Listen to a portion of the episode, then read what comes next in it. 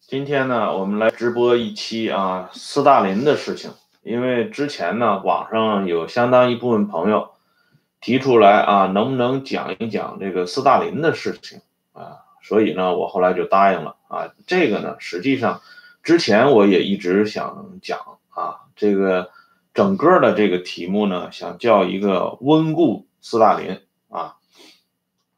温故知新嘛啊。而且呢，大家也知道啊，最近呢，这个。领导人正在这个访问俄罗斯啊，这就让我们对这个俄罗斯这个国家以及这个国家的前身啊，这个再一次的发生了浓烈的兴趣啊。现在呢，我们来进入这个正题啊，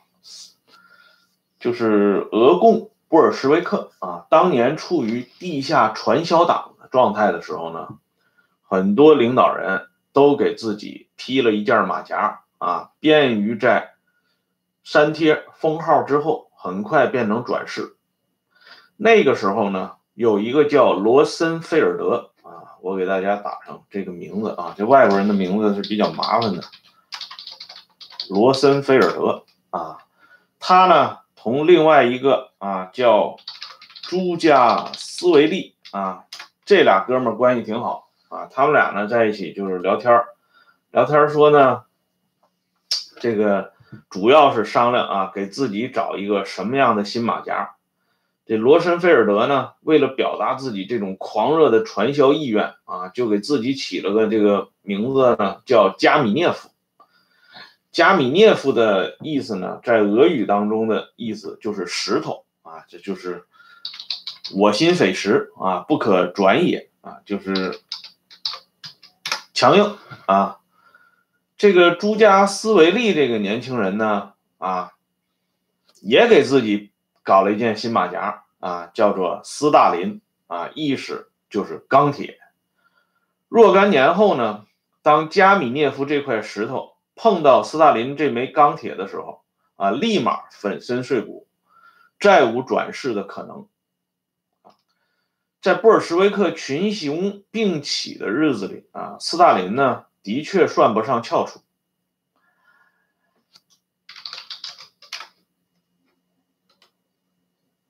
他既不能与斯维尔德洛夫啊的兼收并蓄啊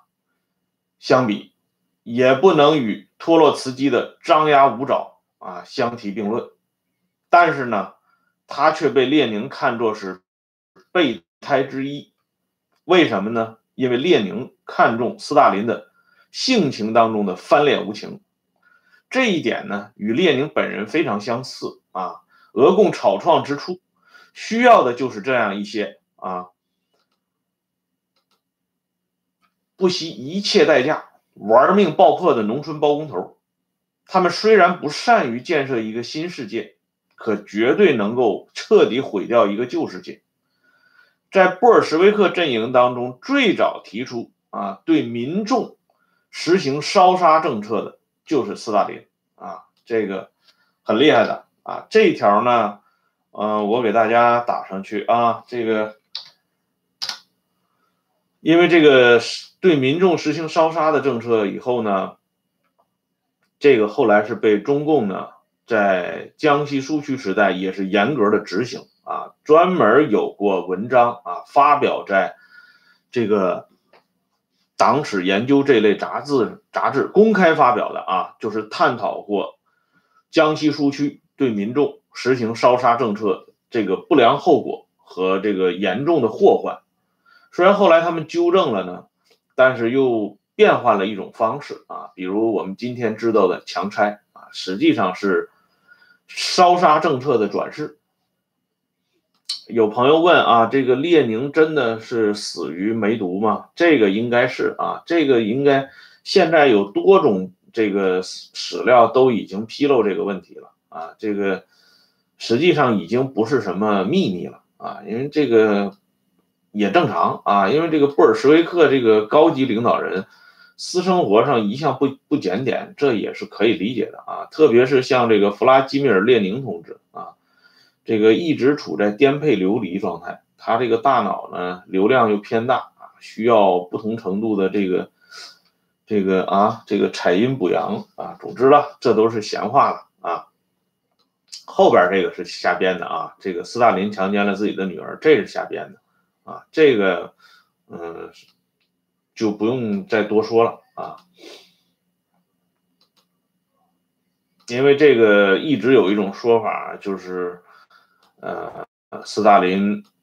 在外边啊有这个野合师生的这个孩子啊，后来如何如何，这种说法得不到证据的支持啊。嗯，现在的这个互联网确实是比较麻烦啊，这个大家反正就这样吧，因为没有办法啊，就慢慢听吧。据说是。以后这翻墙是越来越难了，所以咱们现在呢，就是多做几期这个直播啊，大家多联系联系，多聊聊天儿啊。这以后如果翻墙真的不灵了，你们出不来了，可能也就看不到了啊。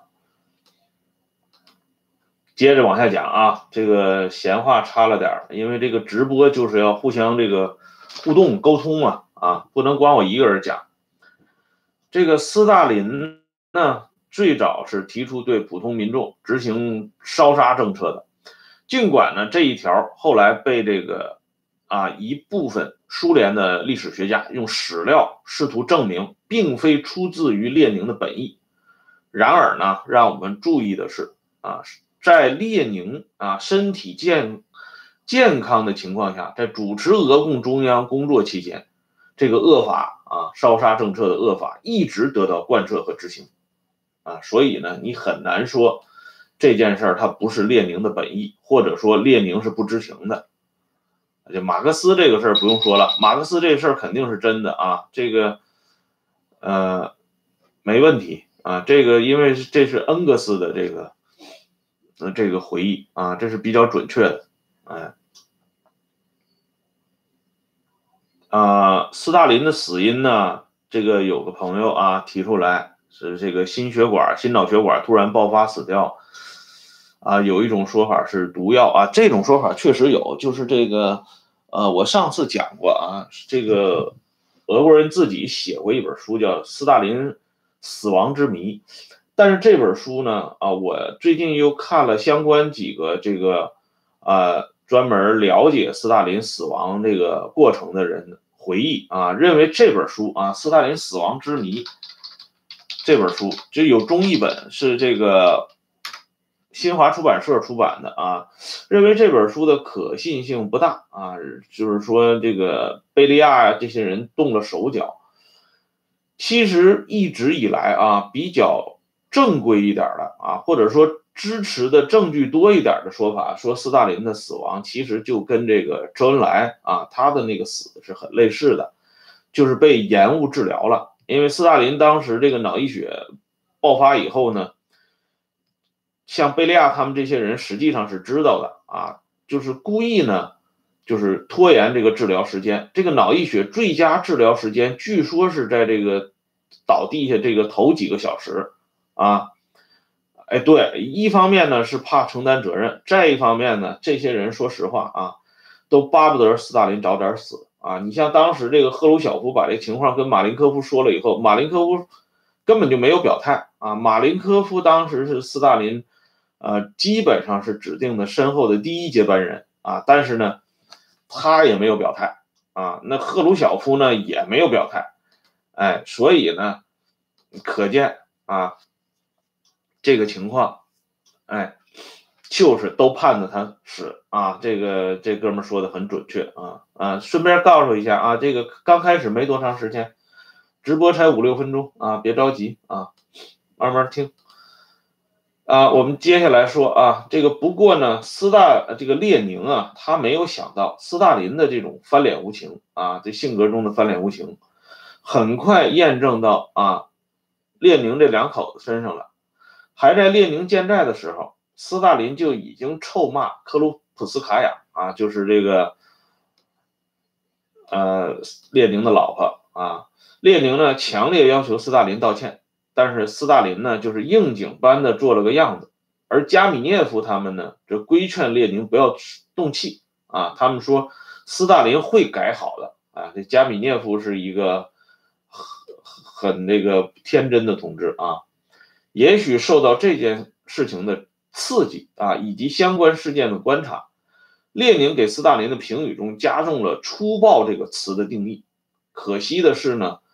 列宁大概是被梅毒烧坏了脑子啊，在俄共高层当中，哪个人不粗暴呢？是托洛茨基呢，还是吉尔银斯基呢？是奥尔中尼启泽呢，还是后来遇害身亡的基洛夫呢？哪个人不粗暴？所以呢，斯大林自己的解释啊，他是说我的粗暴是对敌人的粗暴啊，大家看一下这个啊，我的粗暴是对敌人的粗暴啊，可是呢，问题就来了啊，敌人是谁？谁说了算？瘫痪失语的列宁对于日渐崛起的斯大林无能为力，而与斯大林共事的诸多高层领导人们也没看出斯大林到底有多么粗暴，更多的是这位总秘书经常表现出的木讷和沉闷，让他们无从指责。相反呢，倒是俄俄国的另外一个领导人托洛茨基啊，锋芒毕露，几乎就是以列宁的接班人自居。啊，有的朋友说啊，这列宁和斯大林的出身，这个呢，一讲这话题就长了。但是呢，简简而言言之啊，这两个人啊，就是苏共的这个领导人啊，列宁、斯大林这两个啊，最早领领班的这个啊，他们的出身啊，跟中共的这个早期领导人啊，毛泽东、周恩来有点类似。我是指这个受教育程度啊。有点类似，但是呢，这么讲吧，这个他们呢，比起这个毛周来说呢，或多或少有点底线啊，因为人家呢，就是这个，毕竟是出在欧洲啊，呃，斯大林不能算严格意义上的欧洲，他是格鲁吉亚嘛啊，他至少不能算严格意义上的这种俄罗斯人啊。今天呢，就先不讲张作霖了啊，张作霖留在这个下次直播来讲，因为这个斯大林这个事儿，呃，好多人都提到过啊，这个先先给他这个，呃，讲一讲斯大林啊，哎，然后我们接着说啊，这个列宁时代呢，类似于这个满清入关前的努尔哈赤的那个时候啊，老头子一股独大的局面。不愿意过早的扶植和指定接班人，老头子更希望看到的是在他身后出现共治的局面。故而，我们今天看到的列宁的遗嘱中，对于斯大林、托洛茨基、布哈林、卢朱塔克、皮达科夫等等，都是布满了负面的点评，也是不足为奇的。诸如这种重量级的啊，像列宁这种人啊，大抵是过于轻信自己的权威了。他误以为凭借自己的一句话或者一个手势啊，芸芸众生便可以落实只是不过夜。殊不知背叛早已悄悄地进春了。托洛茨基回忆说啊，有一次列宁对他讲：“如果我们不在了，这个托洛茨基所说的我们啊，这个指的就是列宁和托洛茨基啊。如果我们不不在了，斯维尔德洛夫和布哈林能挑起担子吗？哎，这个。”回忆其实是托洛茨基啊，把自己和列宁并列啊，而且呢，这个话只出现于托洛茨基一人之口，历来呢被苏共传统史家所轻视，但是他们也承认一点，那就是托洛茨基提出的这个问题啊，事实上是存在的啊，即斯维尔德洛夫斯克，呃，斯维尔德洛夫啊，这个苏联有个以前有个城市叫斯维尔德洛夫斯克啊。就是以这个斯维尔德洛夫的名字命名的，他是全俄中央执行委员会主席。啊，我很小很小的时候啊，这个看过这个以前的那个电影啊，就是据说是被伪造的啊，类似于联共党史简明教程的那个啊，这个呃，列宁在一九一八啊，那里头就出现过斯维尔德洛夫，我记得好像是戴个眼镜啊。这个印象不是很深了啊。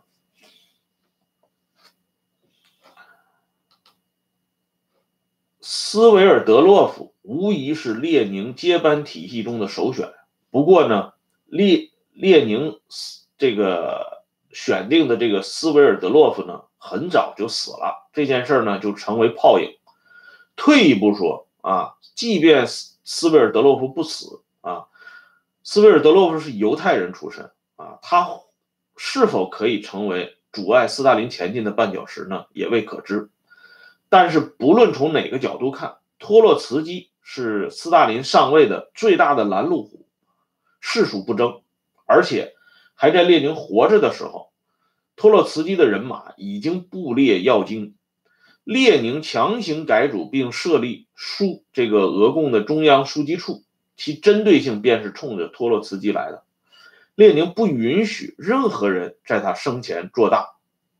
正是因为列宁的改组书记处，将斯大林推出，这才有了斯大林得以起家的关键头衔——总书记。啊，总书记的这个头衔是这么来的，但是我们更习惯于啊叫他总秘书啊。中共八大前夕呢，毛泽东为邓小平凭空摆好，说过一句话啊，至于秘书长改为总书记，那只是中国话变成外国话。其实外国的总书记就相当于中国的秘书长，中国的秘书长就相当于外国的总书记啊。这是毛说的一段绕口令啊。毛的这段话呢。也就为斯大林当年的职务做了最好的注脚啊！我们呢就是把毛的这个绕口令呢啊给它中和一下啊，秘书长、总书记，我们保留这个总，也保留秘书长的秘书两字，我们就叫他总秘书啊。当初俄共中央政治设计均为列宁一手操办，之所以叠床架屋的设立了书记处，一方面既是遏制托洛茨基权势膨胀的手段。也是为了处理日渐繁琐的党务工作所需，书记处说白了就是护士站啊，总书记、总秘书也就是护士长。因中央另外设立组组织局，书记处并不能过问组织人事方面的啊问题。用杨尚昆的话讲呢，这个总秘书最初是听用啊，这个杨尚昆不是说自己嘛，这个是听用啊，就是中办主任。啊，就是打那个麻将的时候上听时候，他那个听牌啊。大林这个咬人的狗从来不露牙，他默默地做着书记处的工作，却日益积累的啊啊日积月累的将总秘书变成了摄政王，把这书记处呢变成了常委会。而就在这个时候啊，斯大林的牙齿呢终于露了出来，列宁发觉并将其定义为粗暴，可惜已经晚了。一则列宁本人由于身体原因不可能重返莫斯科主持大局清洗斯大林，或许呢列宁本人也从未如此严重的考虑过。再者呢书记处声望日隆，一大批高级领导人已经被斯大林所折服，啊折服的理由之一，就像加米涅夫本人乐观的认为的那样，斯大林同志啊会听从我们的劝告的。他离不开我们大家。托洛茨基呢，也看到了斯大林暴露出来的尖牙利齿啊。可是呢，人们此刻更注意到的是托洛茨基啊之前就呲出的这个大龅牙啊。同时呢，人们也误以为斯大林之所以露牙是为了咬嚼托洛茨基。于是呢，一切啊都不可以挽回了。在基洛夫啊奉命接管列宁格勒，这个基洛夫啊，大家知道这个苏联的这个著名的大清洗的导火索，就是这个列宁格勒的党的一把手啊，基洛夫在斯莫尔尼宫被刺杀，这个基洛夫啊，当基洛夫啊。在奉命接掌列宁格勒以后的一次聚会上，包括基洛夫在内的党内高级领导人都不约而同地谈论到一个话题，那就是没有了列宁的日子怎么办？大家一致认为应该由集体来领导党。这个时候呢，斯大林发话了，他说：“不要忘记，啊，我们住在俄罗斯，一个沙皇的国家，俄罗斯人民。”喜欢国家为首的是某一个人啊，说白了，就是俄罗斯人民更喜欢的是沙皇啊。这是斯大林当时还没有啊完全掌握这个俄共高层政权时候说的一番话。斯大林的这番话呢，让在场的人错愕不已啊，因为大家都清楚，在刚刚结束的针对托洛茨基的斗争当中。正是斯大林高举集体领导的大旗，一举挫败了托洛茨基幻想接替列宁，成为下一个弗拉基米尔·伊里奇的图谋。而且也正是这个斯大林，信誓旦旦地向大家承承诺啊，只要他继续担任总书记，就永远不会出现一个活着的列宁。然而现在呢，全懵了啊。斯大林公开的啊向大家表态了啊，俄罗斯人民喜欢的就是沙皇啊。布哈林呢，这个有朋友啊问这个布哈林，布哈林实际上对他你的这个提法是比较准确、比较贴切的。布哈林就是个张闻天啊，或者呢他在理论呢，在这个数值方面比张闻天更扎实一些啊。但是这个人确实他做不了这个这个高层的这种领导人，哎，苏联也是一半的盐碱地啊，至少一多半吧，嗯，现在你看苏联这个这个俄罗斯这个情况就能看出来啊，他一直是这种威权体制啊，没有办法，他们就喜欢这个东西，老百姓有什么样的人民就会选择什么样的这个政府嘛。而什么样的人民，就是来自于他们的文化了。所说的文化，我们经常讲这文化啊，这文化是什么呀？不是这个你上课堂学的那些书本知识，这实际上说白了就是人们的生活习惯啊，人们对哪个东西最适应，这个东西就是文化啊。刚才斯大林讲的很清楚啊，俄罗斯人民最习惯的啊就是沙皇啊，所以呢，当斯大林他妈问这个斯大林啊，中央书记，这个中央书记处书记啊是个什么官呢？那斯大林就直接告诉他妈啊，你知道沙皇吗？中央书记处书记就是沙皇，哎，说的很清楚，嗯，其实呢，尽管俄共党内啊异口同声的赞美着列宁，但是没有哪一个人愿意一直接受这样的人物的领导。毕竟这位领导人太过精明、太过残酷、太过凶狠，他们更希望的是共治，是和衷共济啊，是九龙治水。所以呢，当托洛茨基露出来又要成为下一个列宁的时候，大家都忘了列宁对他们关于斯大林太过粗暴的告诫。在他们看来啊，眼前的托洛茨基似乎更粗暴啊，似乎呢要让他们回到列宁领导的轨道中。于是呢，他们集体的把屁股坐到了斯大林的一边。历史上很多暴君和专制者啊，这个在筛选接班人的时候，往往会去选择弱智的儿童团，比如唐太宗选择了李治，爱新觉罗弘历选择了这个嘉庆皇帝容衍，斯大林选择了马林科夫，毛泽东选择了华国锋等等啊，不一而足。内中的道理，我们在上边的这个。议论当中已经阐述出来了，就是独裁者不希望生前就有一个分一杯羹者啊，独裁者的麾下不希望再出一个独裁者，而几乎所有的人都忘了这句老话，那就是咬人的狗不露牙。一般说来啊，在独裁者完成全套程序之前，他都是以平和的面目出现的。斯大林也是这样啊。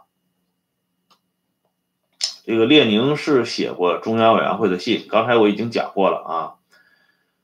让大家不是让大家警惕斯大林，只是说斯大林的这种粗暴的作风放在总书记的位置上是不是合适，请大家予以考虑。但是那个时候斯大林已经羽翼渐丰，特别是呢，他联合了这个季诺维也夫和加米涅夫啊，这些人呢。就我刚才已经讲了啊，他们普遍认为斯大林的这个粗暴呢，啊不重要啊，斯大林的这个呃情况呢是慢慢会有所转变的啊，而列宁这个时候呢，已经无能为力了啊，他的身体状况不允许他回到莫斯科去指手画脚啊，所以呢，这件事儿彻头彻尾的就给耽误了啊。那个时候，季诺维也夫、加米涅夫他们想象的，就像我刚才说的啊，大家是处在一种共治的这种局面下，没有想到啊，斯大林在收拾完托洛茨基之后呢。就很快的把斗争的矛头指向了他们，啊，这是他们万万没有想到的，啊。这里呢，我要给大家说一个，当时俄罗斯著名的保皇党人，他叫苏尔根，他在一九二零年一九二零年年底的时候说的一个政治预言，这个预言啊，我跟我可以跟大家讲啊，距离今天已经差不多。正好一百年了啊！一九二零年到今天差不多一百年，这个预言我看啊，管一百年都不止了啊。当时呢，这个苏尔根他在同别人谈话的时候说了这么一句话啊，我一定要把这句话给大家打上啊，这句话太有名了，因为那个时候我呃上大学的时候开始读这个斯大林的这个传记啊。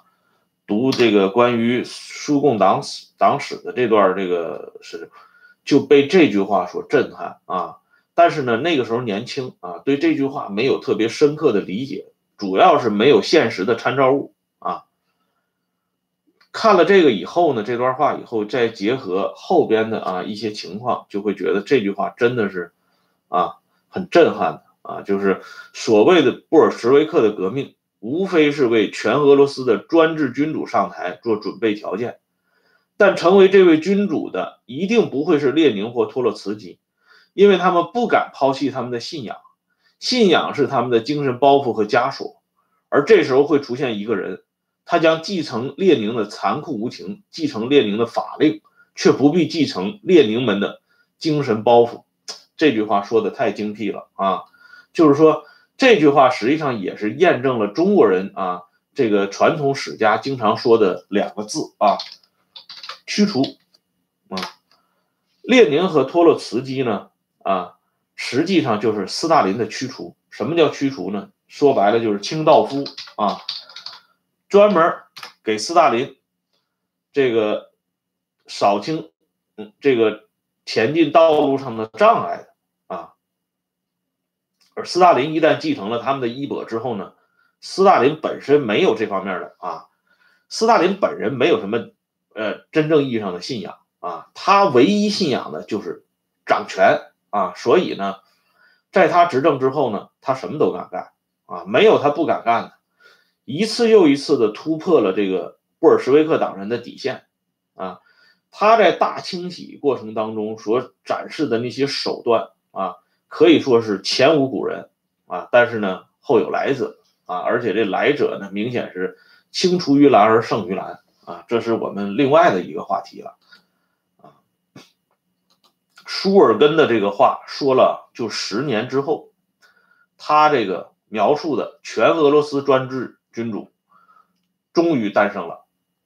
顺便说一句话啊，这个。我刚才讲到的这个，在基洛夫接掌列宁格勒之后的那个聚会上的所有的人啊，除了斯大林以外，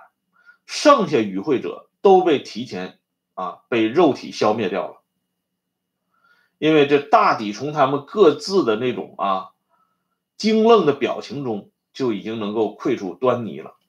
啊。下边呢？我再给大家讲一个斯大林的段子啊，这个讲完以后呢，咱们这直播也就结束了啊。这个段子很有意思啊。斯大林呢有一次啊，同他这个关系非常好的这些朋友聚会啊，这是总书记经常搞的这个娱性节目啊。聚会的时候呢，大家就各自表演一个小节目啊，每个人都出个小节目。轮到斯大林的时候呢，这个总书记呢。啊，斯大林同志就唱了一首呢，格鲁格鲁吉亚的小调啊。这个小调呢，不是这个以前啊，我们在八十年代听到日本人唱的那个拉网小调啊，人家打鱼的那个啊，不是，它是格鲁吉亚人的那种约炮的小调啊。约炮就是这种黄色、低俗、不堪入耳的啊。所以呢，在场的人啊，包括这个奥奥尔中尼启泽，这奥尔中尼启泽和斯大林的关系非常好啊。他一个叶努基泽一个，斯大林一个，啊，对，类似于这个十十八摸啊。这个朋友说的很准确啊。就奥尔中尼启泽这个人呢，他跟斯大林秀味相投，也喜欢这种粗俗的东西。但是这个奥尔中尼启泽呢，他毕竟呢。啊，比斯大林要有点底线，因为当时这个聚会在场上有很多女同胞啊，你当着女性啊唱这种这个黄色小调，你毕竟是说不过去嘛，对吧？而且尽管是朋友之间聚会，可是大家脑袋上都顶着这个中央政治局委员或者是中央书记处书记这样这个这么大的头衔，是不是？你不能完全的放肆啊！但是呢，啊，这个时候。最精彩的一幕出现了啊！当奥尔中尼启泽这些人啊，这个还在这个金鼻子啊，表示这个有点不好意思的时候啊，人斯大林同志呢，坚持把这个小调啊唱完啊，一直唱到最后，唱的呢，而且是自得其乐啊，明显陶醉到其中。于是呢，连奥尔中尼启泽的老婆在内啊，很多女性朋友都有些脸红，有些难为情。因此呢，就没有为总书记的引吭高歌啊喝彩。这一幕啊，我告诉大家啊，就是奥尔中尼启泽这个人名真是，嗯，有点麻烦啊，给大家写上吧。这是后来做到这个俄罗斯啊，就是俄共的这个政府，苏联重工业人民委员啊。后来是自杀身亡，但实际上是他杀。这个包括中共自己为斯大林出版的《斯大林年谱》当中都承认二中尼启泽死于他杀啊，可见呢，这二中尼启泽的死亡是非正常死亡。可是呢，就是说过了几年以后啊，大家发现，在这一次聚会里边啊，除了啊这个唱黄色小调的斯大林同志以外。所有的人都被处理掉了，包括这些女性的来宾啊，也不例外。其中这这个拒绝为斯大林同志喝彩的奥尔中尼启泽的老婆啊，她是斯大林的老婆纳杰日达的闺蜜啊。斯大林留给这个女人在世上最后的评价是：闭上你的臭嘴，你个蠢货！哎，所以呢，奥尔中尼启泽同志的未亡人啊。非常知趣的啊，就闭上了你的臭嘴啊！我把这句话给大家打上啊。斯大林说啊，闭上你的臭嘴，你个蠢货啊！这个人呢，就永远闭上了他的臭嘴啊。作为一个低俗的人，如何才能让他变得高雅起来呢？最便捷的方式啊，就是把他放在更低俗的人群当中。而这个最低俗的人群啊，如果有不和谐的语调怎么办呢？那只有啊，把这个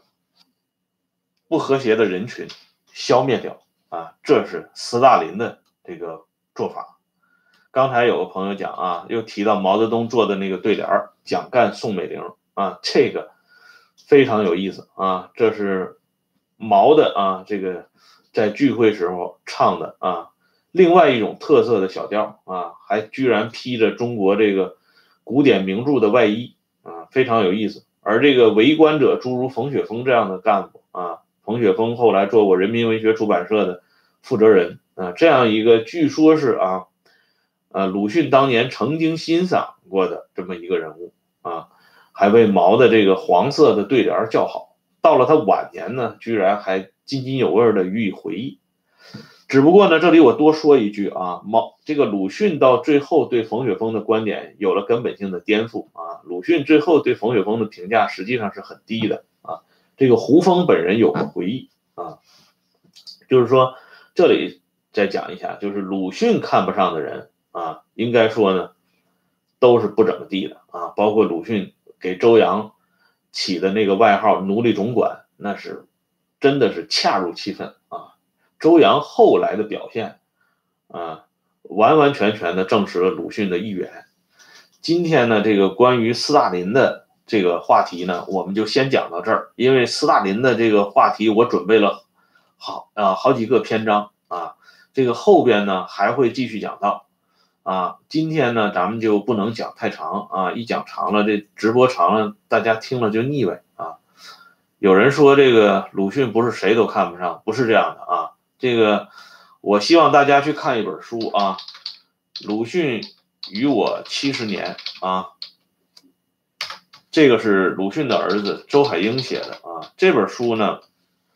里边还夹带了很多政治正确的东西，那是他也没有办法啊，身不由己。另外呢，周海婴有一些呃问题呢，啊，他看的也没有那么透啊。但是呢，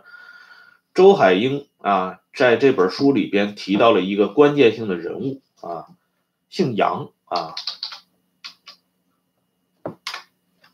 这个人物呢，我希望大家在看这本书的时候啊，去关注一下杨继云啊。